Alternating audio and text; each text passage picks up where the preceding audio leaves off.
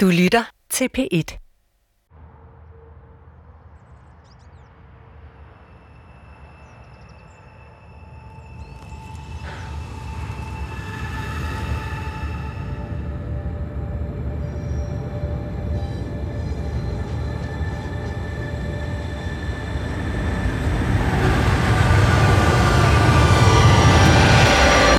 Velkommen i mørket.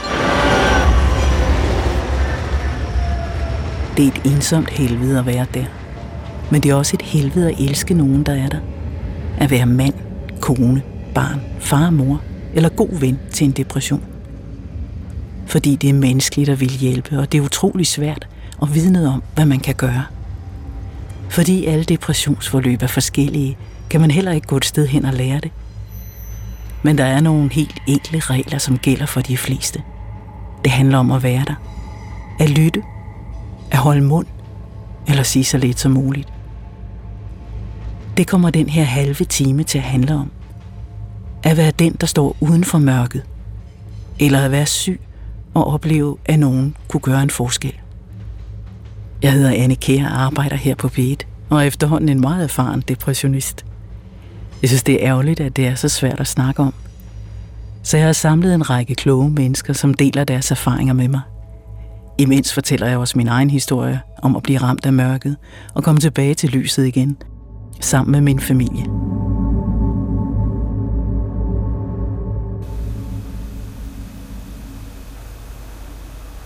Hvornår hørte du egentlig første gang om, øh, om mine depressioner? Var det den her, eller var det den forrige? Altså, jeg husker dem jo kun som to. Nå, men så er det jo, altså så hørte du om den for Ja, mange år siden. syv år siden eller sådan Ja. noget. Ja. Fortalte jeg det? Jeg kan ikke huske det. Nej, gjorde mor. Det her er et besøg hos min søster. Vi har aldrig snakket om de her ting før. No shit, tænkte jeg. Jeg tænkte, øh... jeg har en meget, meget øh, sej storsøster. Sådan har jeg altid tænkt. Så faktisk tror jeg lidt i starten, jeg tænkte, det kan ikke passe. Det tror jeg ikke på. Vil hun da aldrig få. Men øh, da det så ligesom var sådan, at det havde du, så tænkte jeg, det var... Hvor vildt, hvor sindssygt. Altså, jeg tror meget chok over det, faktisk. At du kunne få det. Øh, og så synes jeg derfra, så var det sådan lidt tåge. Ja? Sådan lidt gråt. Snakkede vi ikke så meget om. Nej. Og jeg kan bare huske, mor sagde, at det er fordi, hun har den farmor, hun har. Så Mm. får man det. Ja.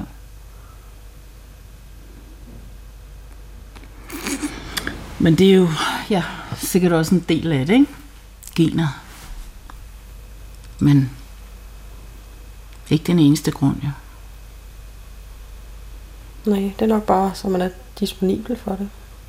Så er der nogle ydre faktorer, der gør, at man får den. Ja. Hvornår hørte du så om den her, altså den depression, jeg lige har haft? Kan du huske det?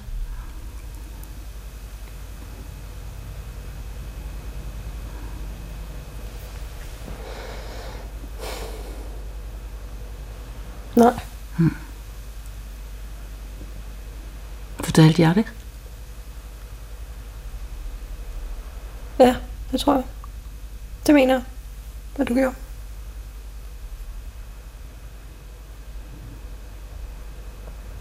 Men hvis du selv siger, at der har været alt flere imellem 1 og 2, som jeg kalder 1 og 2, Mm. så er billedet for mig bare rent sammen. Ja. Og så føler jeg måske ikke, der har været en periode uden fra nummer 1.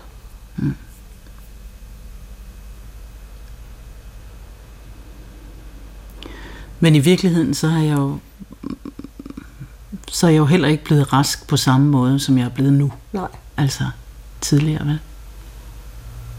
Det er jeg ikke.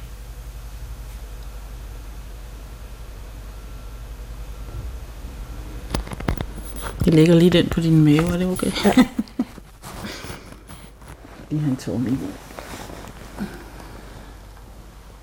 Noget af det, der nogle gange har gjort mig ked af det, altså, når jeg har, altså, i den her gang, der har jeg jo valgt at fortælle til alle, Mm-hmm. at jeg var igennem, har været igennem depression. Jeg kunne ikke snakke med nogen undervejs, men altså bagefter, ikke? Og, og nogen har sagt, "Men vi troede, du var, vi troede, du var stærk. Vi har altid tænkt, mm. du var en stærk kvinde, ikke? Men al- altså, men det har jeg da også selv tænkt. Men stærke mennesker kan også blive syge. Altså, jeg synes ikke, det er nogen... Altså, det har gjort mig lidt ked af det. Jeg synes ikke, det er nogen modsætning af at være en stærk person, og så blive syg. Som om det kan man ikke blive, hvis man, hvis man er et stærkt menneske. Nej, det kan man så sagtens. Jeg tror bare, for mit vedkommende var det ikke noget, jeg sammenlignede med dig. Altså, Nå, det, det lå ikke, øh, der er lige mikrofonen. det lå ikke øh, som et ord ved siden af, af dig. Altså, jeg, jeg havde svært ved at koble de to ting sammen. Men selvfølgelig kan det lade sig gøre. Ja. Men det, altså, det har det jo heller ikke gjort for mig. Jeg har da heller ikke tænkt, altså, at jeg, jeg blev sgu nok en, der, der falder fra hinanden lige pludselig. Det har jeg altså absolut ikke tænkt. Nu har det jo været vinter, en lang vinter, så jeg har jo ikke øh, siddet så meget på bænken. Fordi alle depressioner er så forskellige, har jeg også nogle andre menneskers historier med i programmerne. Nu er det to-tre år siden, forfatteren Peter Øvig Knudsen havde sin seneste depression. Men han har været ramt af mørket i mange år, og i al den tid, han har boet med en havelåge til skoven i sin baghave, har han opsøgt en særlig bænk i skoven for at finde ro. Når han sad der, ringede han nogle gange til sin ældste og bedste ven, og jeg tænkte, jeg gerne ville høre, hvordan det var at være den ven, og blive ringet op af en, der havde det rigtig skidt. Mens Peter Øvi og jeg sidder på hans depressionsbænk, prøver vi at ringe vennen op. Så slår jeg højtaleren til, hvis han er det. Ja. Det er han. Telefonsvarer. Skal jeg ikke lige bede ham ringe? Jo, jo. Er det okay? Eller vil du hellere have, at jeg ringer om Nej, det er lige meget. Så er han nok lige i gang med sin anden telefon. Der er telefonsvar på. Men mens vi går tilbage gennem skoven, ringer vennen tilbage. Goddag, min ven. Jamen, øh, nu går jeg jo her med en, øh, en journalist. Så jeg vil spørge dig, om jeg gerne må slå en højtaler til, mens vi spacerer her gennem skoven. Så kan vi jo se, om, du mod sædvaner har noget fornuftigt at sige. nu står jeg lige højtaleren til. Det tror jeg nok, jeg gør. Ja, Ja, kan man skrue jeg op? om man eller kan skrue op. sted? Hvad med på siden der, kan man ikke? Er der den anden side, der var der sådan en eller anden ting. Ja, ja. Jeg prøver lige at skrue op for lyden. Ja. Men øh, Mos, hvis du nu kan huske, at jeg for eksempel i min sidste, under min sidste depression ringede til dig Ja. nogle gange, eller du ringede måske til endda til mig. Øh, hvad, ja. hvordan, hvordan oplevede du sådan en opringning fra din deprimerede ven? Var der noget at gøre? Altså, jeg, jeg, jeg, jeg vil sige, særligt sidste gang, jeg var, jeg var jeg rystet. Øh, fordi det virkede mere, faktisk mere alvorligt. Altså, jeg husker, jeg har jo kendt hinanden længe, og jeg husker, øh, jeg husker det her. Vennen blev så bekymret over Peter Øvis tungsind, at han begyndte at ringe hver eneste dag. Jamen, jeg kan godt huske, at du faktisk var, var bekymret øh, på en måde, som jo så kan være lidt svær. Og, altså, jeg, det, det er lidt svært at, at aflyse din bekymring, eller stille noget op med den, ikke? fordi at, at jeg kunne ligesom ikke, øh, jeg kunne ikke selv se så mange lyspunkter. Det tror jeg også er grunden til, at jeg egentlig aldrig har fortalt min mor, når jeg har været deprimeret, fordi så skulle jeg ligesom, jeg, jeg vidste, at hun ville blive i særlig grad bekymret, ikke? Ja. Og hvad skulle man så... Øh... Øh, Du har ikke været specielt informerende om det. Nej. Altså, øh, ikke noget, du har gået og snakket om. Og jeg tror, det hænger også sammen med, tror jeg, at det er meget svært at snakke om. Altså, fordi det er jo lige præcis bare er et sort mørke, som egentlig virker enormt konstruktivt. Øh, og det er jo det, der gør det helt svært at have med at gøre. Det er, at der faktisk ikke er noget at gøre. ja. Jeg tror, at, at det som så alligevel er, er nytten af, at, at man har sin ven i rør, det er jo, at han stadigvæk er der. Ja. Fordi at, at øh, depressionen hænger jo sammen med, at man ligesom ikke synes, man kan yde noget som helst til verden. Og hvor længe kan man blive ved med at have en kæreste og en ven, øh, hvis man ligesom ikke kan yde noget som helst. Det vi, ja. vi er jo vant til ligesom, at, at der skal gives og tages. Ja. Jeg vil snakke med, nu det var nu ikke dig, jeg snakke med en anden en, øh, som også havde det svært. Og, der snakkede vi om, at det er vigtigt at have nogen at stole på, når man ikke stoler på sig selv. Og det er på en eller anden måde måske det, der, er, der tilbyder sig i sådan et, hvor, hvor der ikke er nogen løsninger. Øh, I sådan et med, med, mellem venner. At, at der trods alt er hul igennem til nogen. Ja. Noget til et eller andet. Ja. Så det er måske virkelig det, man kan som ven til en deprimeret, det er bare at, at blive ved med helt utvetydigt at være der. ja. Det, det var måske simpelthen det. Er det ikke det? Er det ikke? Det tror jeg, det tror jeg, ja. det tror jeg simpelthen er det. Ja. Jamen ved du hvad, vil du ikke have en god arbejdsdag så? Ja. Du har sikkert en konflikt eller to, der lige skal løses. Det er godt. Vi snakkes. Hej.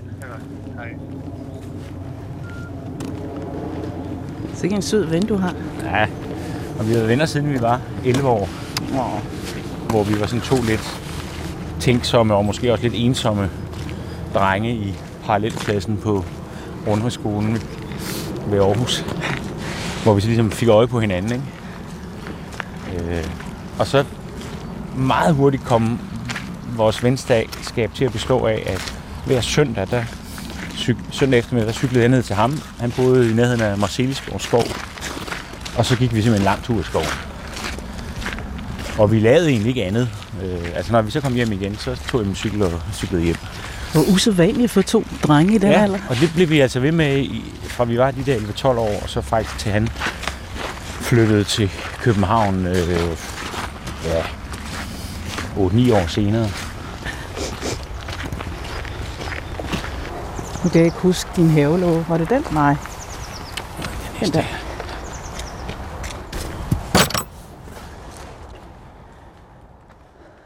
Min mor ville også rigtig gerne have kunne ringe til mig, da stikket faldt ud af væggen, og jeg mistede kontakten til tilværelsen. Og jeg kunne ikke gøre andet end på at, at vente på, at der kom en dag. Det er lidt svært at tale om. Vi har ikke talt om det i min familie, før jeg bliver spurgt, om jeg vil fortælle min egen historie i radioen. Jeg lover at være så modig og ærlig, som jeg nu kan, ellers er det et ligegyldigt projekt.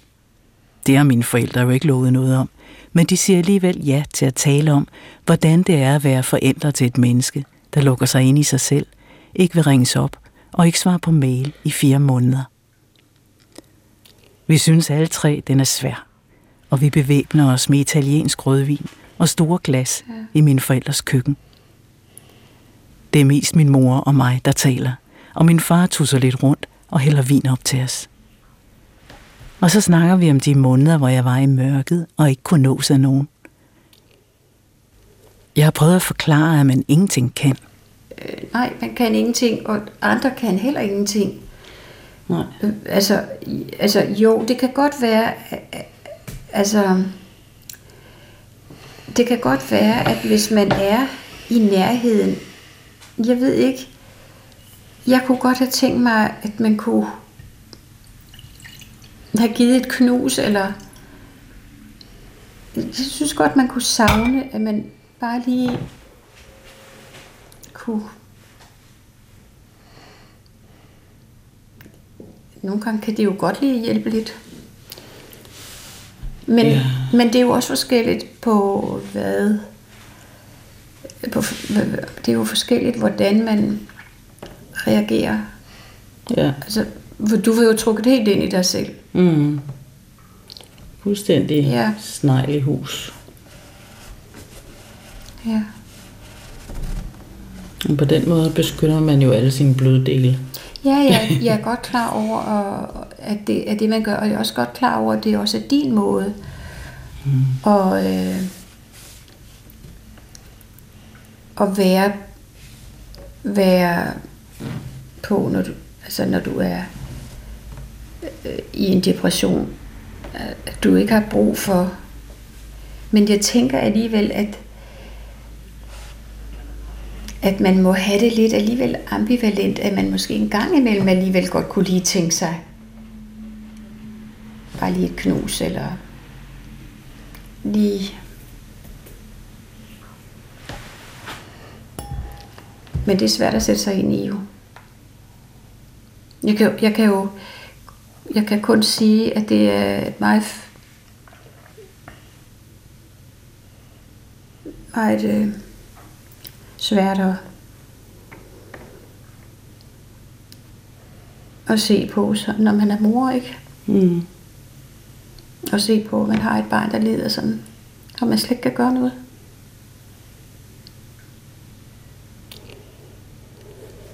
Det kan man ikke. Nej. Nej, det kan man ikke.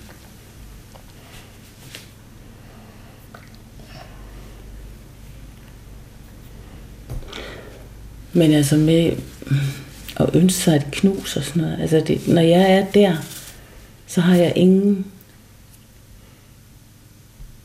anden længsel end en ønske om at forsvinde. Altså, det er det eneste, jeg ønsker. Ja. Jeg tænker heller ikke, du ønsker et knus. Jeg tænker bare, at hvis du fik det, at så var det måske alligevel rart. Jeg tænker ikke, det er noget, du ønsker. Det er jeg godt klar over, det ikke er. Og jeg ved godt, at du helst bare vil ud, væk. Og du lukkede dig jo fuldstændig inde. Vi, vi snakkede slet ikke sammen. Det er virkelig det frygteligste, jeg har prøvet. At man, man har de så flere måneder, hvor vi faktisk kun var i kontakt, når vi spillede Word Feud og lagde sådan et ord og måske skrev øh, øv. Jeg har ikke nogen vokaler. Ja. Ja, Jamen, det var... ja. Hurra for Scrabble spillede Word Feud. Jeg kunne ikke læse. Havde svært ved at forstå, hvad folk sagde til mig. Kunne ikke tage beslutninger eller planlægge noget. Men en gang imellem kunne jeg lægge et ord i Word Feud og lave en smiley i chatten, når min mor ikke havde nogen vokaler. Min familie kommer ikke med gode råd, når jeg er forstenet bag nedrullede patienter. De ved, at de ikke kan nå mig.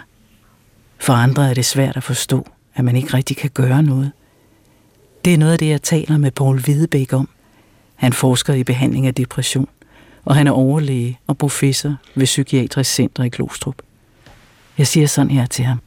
Og jeg tænker også, altså, øh, det, det ved jeg jo også fra min egen familie, at det, det kan være enormt hårdt, fordi ja. man vil jo nok, de fleste vil nok gerne hjælpe, ikke? og kommer med alle mulige nu skal du, du skal komme ud og gå en tur, og det er godt for dig. Ikke? Og det, ja, ja. det, det kunne ja, jeg simpelthen bare heller ikke holde ud. Der var nogen, der sagde til mig, at jeg kan ikke rejse mig op. Altså, ja. Jeg skal ikke ud og gå en tur.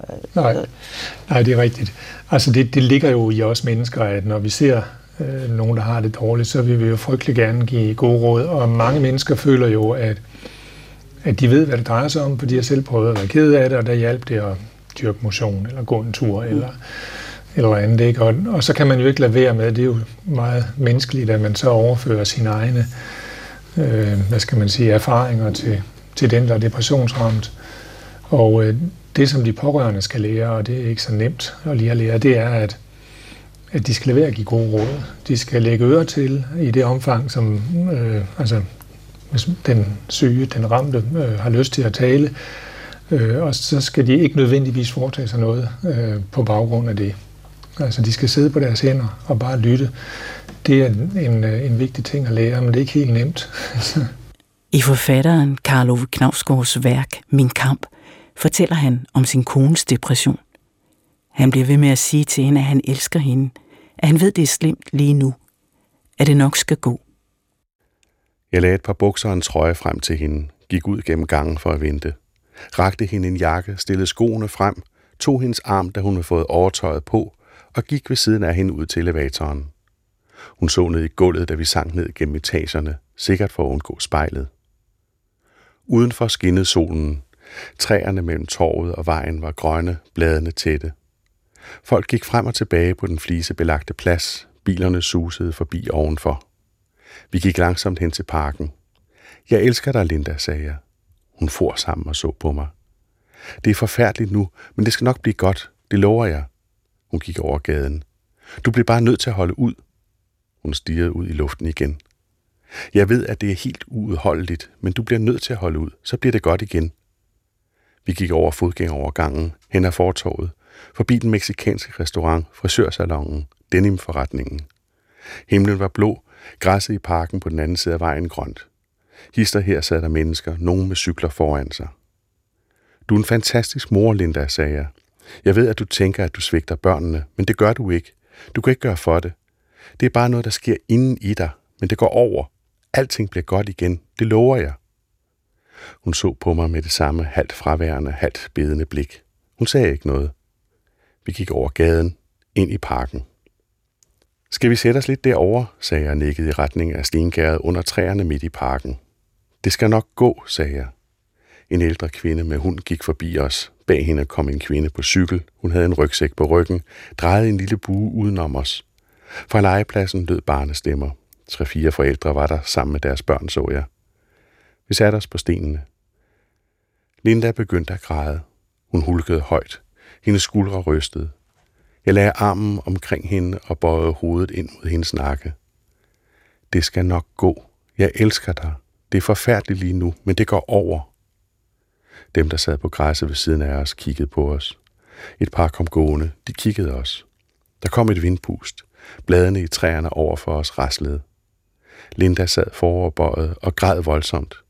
Det var som om noget var styrtet sammen inde i hende. Jeg strøg hende over ryggen. Hvad slags mørke er du i nu, Linda? Hvad slags mørke er du i? Jeg elsker dig. Du er et enestående menneske. Du er en fantastisk mor. Det skal nok gå. Du bliver bare nødt til at holde ud. Langsomt æbbede gråden ud i hende. Jeg rakte armen frem.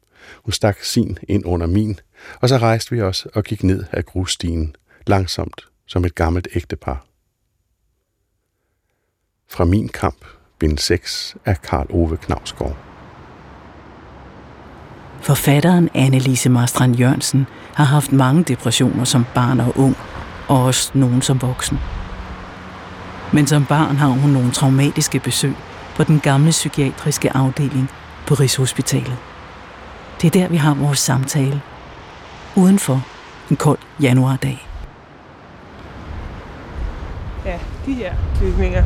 De her... her Selvfølgelig ikke... Og, nej, det var herovre på den side af vejen. her til højre. Ja. Det ser meget tilforladeligt ud, jo. Gør det noget ved dig at, at se de her bygninger igen, eller er det så længe siden nu, så du bare... Ej, jeg, jeg får det altid, jeg, især til det er ubehageligt. Altså, jeg, jeg kan mærke, hvordan det var at sidde derinde. Jeg synes, det er ubehageligt. Meget klaustrofobisk. Mens ensomheden er stor i barndommen, oplever hun som voksen den gave, det er at tale med nogen, der ved, hvad man går igennem. Og det fungerer godt for hende. Jeg har en meget, meget øh, nær ven, som har oplevet det mange gange selv. Og han, øh, han kunne gøre noget for mig. Han talte lige ind igennem alt det der. Hvad sagde han? Jamen, øh, for det første var det bare en enorm trøst i at vide, at han forstod mig. Jeg vidste, han forstod mig. Han øh, ringede til mig hver dag. Han øh, talte om det, det handlede om. Fordi for mig handlede det ikke om en kemisk ubalance i hjernen. Og det ved jeg godt, altså man må jo finde det, der virker for en, kan man ja. sige. Men det var ikke det, der virkede for mig. Så vi talte om alt muligt. Livet, døden og opvækst og øh, depression som, som ophobet sorg og depression som, øh, som en reaktion, stressreaktion og alle mulige ting. Altså vil du sige, det er, øh, det er vigtigt om, og det der med at have et menneske på det rigtige tidspunkt, som, som forstår en? Det kan jo være livsreddende, vil jeg sige. Øh, siden har jeg også fået lov til at jeg betale tilbage, men at være der den anden vej. Øh, det er ikke så lang tid siden, at min, min øh, ven var ude øh, i nogle indlæggelser og virkelig, virkelig havde det dårligt og, og talte rigtig meget om at tage livet af sig selv. Øh, og det var selvfølgelig det er enormt smertefuldt at høre på, når man er, når det er et menneske, man, man elsker og, og sætter stor pris på, og ikke kan forestille sig at leve uden selv. Men jeg kan huske på et tidspunkt, hvor jeg sagde til ham, men det kan jeg faktisk virkelig godt forstå. Det kan, jeg kan godt forstå. Altså, fordi han havde det virkelig, virkelig, virkelig slemt. Og efterfølgende så sagde han, og det var selvfølgelig også, fordi vi havde kendt hinanden så mange år, så efterfølgende så, så sagde han, at, at det var næsten noget af det, han var blevet mest glad for, at der var nogen, der havde sagt til ham. Altså, ikke opfordre ham til det, men sagt, jamen det kan jeg faktisk godt forstå. Fordi sådan er det jo. Altså, at der er nogen, som taler fra et normalt sted og siger, jeg kan godt forstå det, fordi jeg har været derhen af. Det er jo, det er jo en trøst. Så er der, er der jo håb. Det er alt sammen nemmest at forstå, hvis man har været der selv. Men jeg tænker, hvis man fornemmer, at den, der er ramt af mørket, har lyst til at tale, så skal man måske ikke være bange for at spørge. Det tror jeg, mange er. Det er også et svært emne. Ja, hvorfor tror Jamen- du egentlig, det er så svært et emne? Fordi det er nemlig noget af det, som jeg også er lidt nysgerrig på. Ja, men det tror jeg, det er, fordi jeg... Jeg tror, den, der har depressionen, har selv svært ved at sætte ord på, Mm. hvad det handler om. Og for alle dem, der aldrig har haft en depression, kan det være svært at forestille sig at have en. Mm. Jeg har set et program på DR3 om øh, forskellige folk, der har depression. Og de siger alle sammen, at man skal ikke øh, være bleg for at spørge Mm. ind til. Men jeg tror, det er svært at være den udefra. Fordi jeg, når man er i midt i en depression, kan jeg se, at der er det jo ligesom ikke muligt at kommunikere. Nej, Så hvornår er man i Ja. stand til at kommunikere om det her? Ja. Og hvad er det, den der ikke har depressionen, spørger om? Hvad havde du lyst til at spørge mig om? Altså, hvis du skulle spørge mig om noget dengang. Hvorfor fanden har du det? altså, det var mit umiddelbare første gang. Ja. Den første. Det er også mange år siden. Mm. Ja. Men jeg tror, jeg var nysgerrig på, hvad, altså, altså hvorfor? ja. Hvad er årsagen til det? Men det er man også selv jo. Ja. Altså, man ved det jo ikke. Nej. Man kan gætte, ikke også? Man, man, man aner det ikke, og man kan ikke... øh, Altså, der er jo ikke noget... Der findes ingen svar jo. Og selvom Nej, man... men jeg har selv prøvet, hvor øh, at man har tusind ting i hovedet, og hjertet vælter bare derud af, og man føler ikke, man kan nå alle de ting, man skal. Mm-mm. Men derfra, og så derover til, der er bare så langt. Altså, det er jo stadig, jeg har stadig svært ved at forstå det. Hvad er det, der gør det? Mm. Det har jeg også. Ja. Altså forstår det ikke, fordi det er jo, det er jo, altså det er en nedsmeltning. Ja. Men min sidste depression, den startede jo faktisk i sommerferien. Altså, jeg var overhovedet ikke stresset. Men det var du så måske alligevel. Ja. Bare over nogle andre ting end arbejde. Mm. Kan jeg slet ikke se, hvor stopknappen er henne. Det er lidt. Jeg bliver nødt til at have dem her. Der.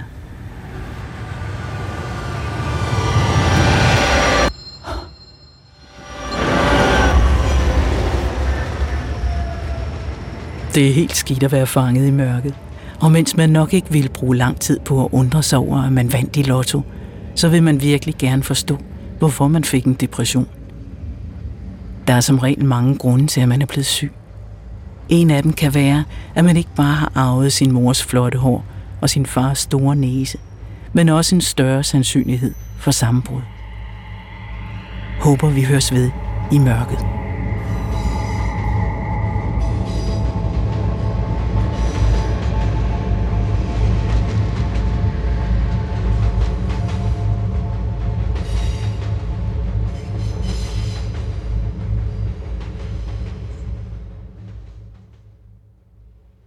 Du kan høre flere P1-podcasts i DR's radio-app. Det giver mening.